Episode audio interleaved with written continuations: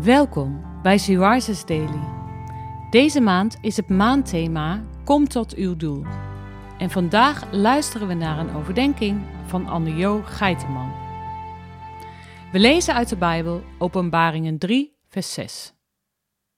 Wie oren heeft, moet horen wat de geest tegen de gemeente zegt. Als kind las ik altijd graag in openbaringen. Wat een bijzondere beelden, wat een prachtige taal en wat een ontzagwekkende toekomst. Maar de brieven van de Heer aan de gemeenten sloeg ik meestal over. Die vond ik maar lastig en ingewikkeld. Tegenwoordig lees ik juist graag die brieven. Wat een rijkdom aan vermaningen en zegeningen staan daarin. Wat kan ik daar veel van leren, zeg? Er worden geen doekjes omgewonden in die brieven. In elke brief staat wel iets wat ik kan toepassen op mijn eigen leven. Heb ik de eerste liefde nog? Ben ik lauw geworden? Denk ik mijzelf rijk terwijl ik eigenlijk arm ben? Eigenlijk vraagt Jezus in die brieven aan ons: Volg jij mij nog? Of volg jij iemand of iets anders? En jij? Volg jij Jezus nog? Of volg jij eigenlijk iets of iemand anders?